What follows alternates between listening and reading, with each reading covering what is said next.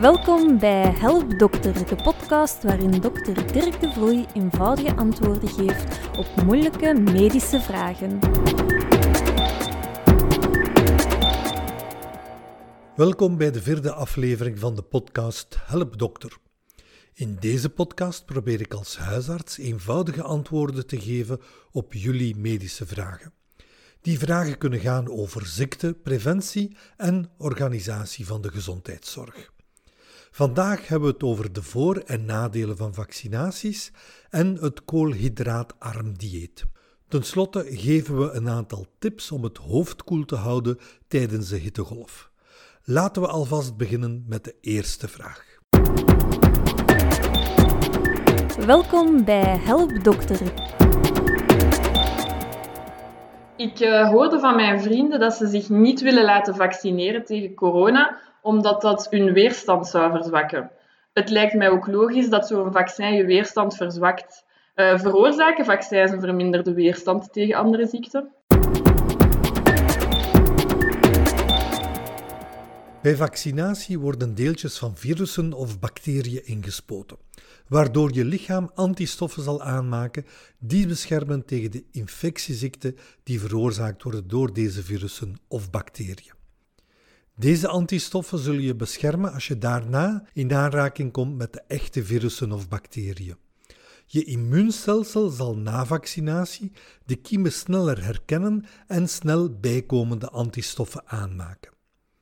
Vaccinatie geeft dus hetzelfde effect als contact met de echte ziektekiem, maar vaccinatie heeft wel het voordeel dat je immuniteit kan opbouwen zonder dat je de ziekte doormaakt.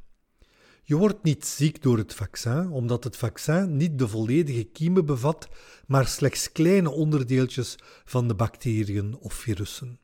Soms bevatten ze wel de volledige ziektekiem, maar die is dan verzwakt zodat je er niet meer ziek kan van worden. Zoals bij contact met de echte ziekte zal de bescherming na vaccinatie soms levenslang zijn en soms maar een aantal maanden of jaren duren. Alle vaccins kunnen bijwerkingen geven. Die treden meestal op meteen na toediening en komen zelden voor na 48 uur. De meeste bijwerkingen zijn zeer mild. De meest voorkomende bijwerkingen zijn lichte koorts, lichte pijn, roodheid of zwelling op de injectieplaats, dit duurt meestal maar een paar dagen, of een knobbeltje op de injectieplaats. Uiteraard moet je contact opnemen met je huisarts als je ernstiger gevolgen zou ervaren. Er kunnen inderdaad ernstige bijwerkingen optreden, maar die zijn zeer zeldzaam. De ernstige gevolgen van de ziekte komen altijd vaker voor dan de ernstige bijwerkingen van het vaccin. Anders zou het vaccin geen voordeel geven. Bijvoorbeeld bij de vaccinatie tegen mazelen komen ernstige gevolgen voor bij 1 op 1 miljoen gevaccineerden. De mazelen zelf veroorzaken ernstige problemen bij 1 op 1000 mensen. Er zijn geen wetenschappelijke studies die aantonen dat vaccinatie bepaalde ziektes zoals autisme of MS zouden veroorzaken. Er is hierover veel verwarring ontstaan door een wetenschappelijke publicatie uit 1998. Het toonaangevende wetenschappelijk tijdschrift The Lancet publiceerde in 1998 een artikel waarin werd gesuggereerd dat het vaccin tegen mazelen, bof en rode hond autisme zou veroorzaken. Professor Wakefield, de auteur van het artikel, beweerde dat het vaccin kan leiden tot darmproblemen en autisme. Het artikel was gebaseerd op onderzoek bij 12 kinderen, hetgeen onvoldoende is om besluiten te trekken. Bovendien had Wakefield ook een belangenconflict, want hij werkte zelf aan een vaccin tegen mazelen. Het artikel werd in 2010 teruggetrokken. Maar ondertussen heeft het artikel veel ongerustheid veroorzaakt bij ouders. Veel ouders lieten hun kinderen niet meer vaccineren, waardoor er opnieuw uitbraken van mazelen voorkwamen. Vaccinatie is nog altijd de beste manier om je te beschermen tegen infectieziektes. Vaccinatie zal je afweer tegen andere ziektes niet verminderen. Welkom bij Help Dokter. Hoe goed of hoe slecht is een koolhydraatarm eetpatroon? En uh, hoe ver mag men daarin gaan?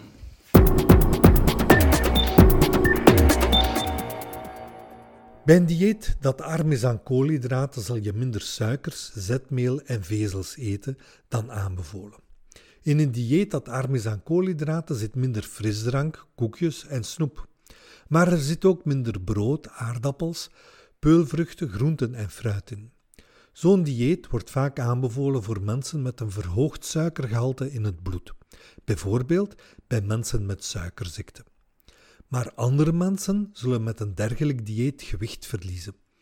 Ze volgen dan het Atkins-dieet of het Mayo-dieet. Anderen vermijden koolhydraten omdat ze gezond willen eten en leven. Het paleo-dieet is daar een voorbeeld van. In een dieet met minder koolhydraten zitten wel meer vetten en eiwitten. Toch als je dezelfde hoeveelheid energie wil opnemen. In een evenwichtig dieet halen we 40% van de energie uit koolhydraten. In een normaal dieet zit ongeveer 210 gram koolhydraten. In een koolhydraatarm dieet zitten 50 tot 130 gram koolhydraten. Als er nog minder koolhydraten in zitten, spreken we van een ketogeen dieet. Je zal gewicht verliezen door minder calorieën in te nemen dan dat je calorieën verbruikt. Een dieet arm aan koolhydraten, maar met meer vetten en eiwitten, zal niet leiden tot gewichtsverlies. Je zal met een koolhydraatarm dieet niet meer gewicht verliezen dan met een dieet met een normale hoeveelheid koolhydraten. Maar een goed dieet dat arm aan koolhydraten is, moet meer eiwitten bevatten. Daardoor zal je na het eten langer een verzadigingsgevoel hebben en minder snel weer honger hebben. De eiwitten zullen er ook voor zorgen dat je minder spiermassa zal verliezen dan bij een ander dieet. Maar sommige koolhydraatarme diëten bevatten ook meer vet, hetgeen dan weer niet goed is voor hart- en vaatziekten. Vaak gaat men in een dieet dat arm is aan koolhydraten de koolhydraten verminderen door minder brood te eten. Daardoor kunnen tekorten aan vitamine B, voedingsvezels en jodium optreden. Door minder brood te eten zal ook het risico op hartziekten, suikerziekte en darmkanker toenemen. Er zijn dus voor- en nadelen aan een koolhydraatarm dieet. Je zal er gewicht mee verliezen zonder spiermassa te verliezen, maar het dieet bevat vaak te veel vet en te weinig voedingsvezels. Welkom bij Help Dokter.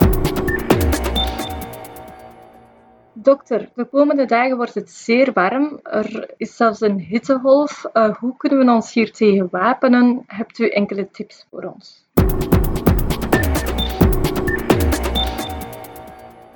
Tijdens een hittegolf kan je inderdaad in de problemen komen, zowel door de warmte als door de rechtstreekse zonnestralen.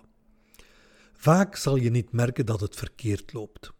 Door de warmte zal je je snel vermoeid voelen, maar ook hoofdpijn, concentratieproblemen en uitdroging kunnen optreden zonder dat je zelf het verband legt met de hitte.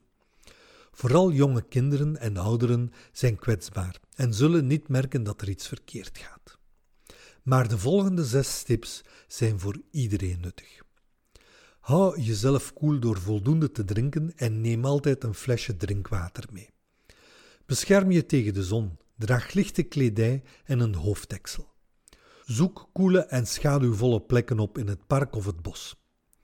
Doe alleen inspanningen tijdens de koelere momenten van de dag. Neem een lauwe douche, een voetbad of een fris duik in een zwembad. Vermijd alcohol en drugs, want die geven meer kans op uitdroging en oververhitting. Voor ouderen moeten we speciaal letten op een koele doek of een voetbad, voldoende rust, de bloeddruk in het oog houden zodat die niet te hoog of te laag wordt en opletten voor verminderd bewustzijn of sufheid. Voor kinderen kan waterspeelgoed of een zwembadje verkoeling brengen. Het is ook belangrijk om de woning tijdens warme dagen goed koel te houden.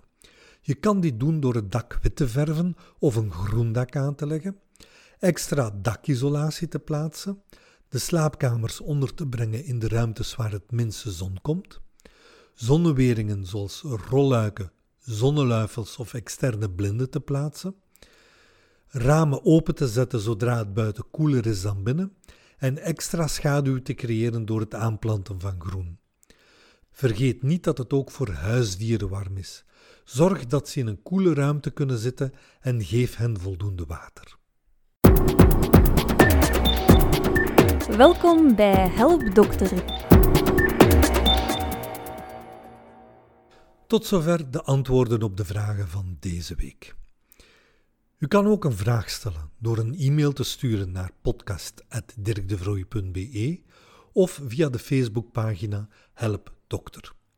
Voor de podcast is het natuurlijk leuker als u de vragen zelf kan inspreken.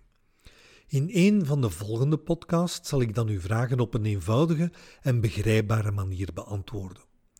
Volgende week mag u weer een nieuwe aflevering verwachten van de podcast Help Dokter. Tot dan!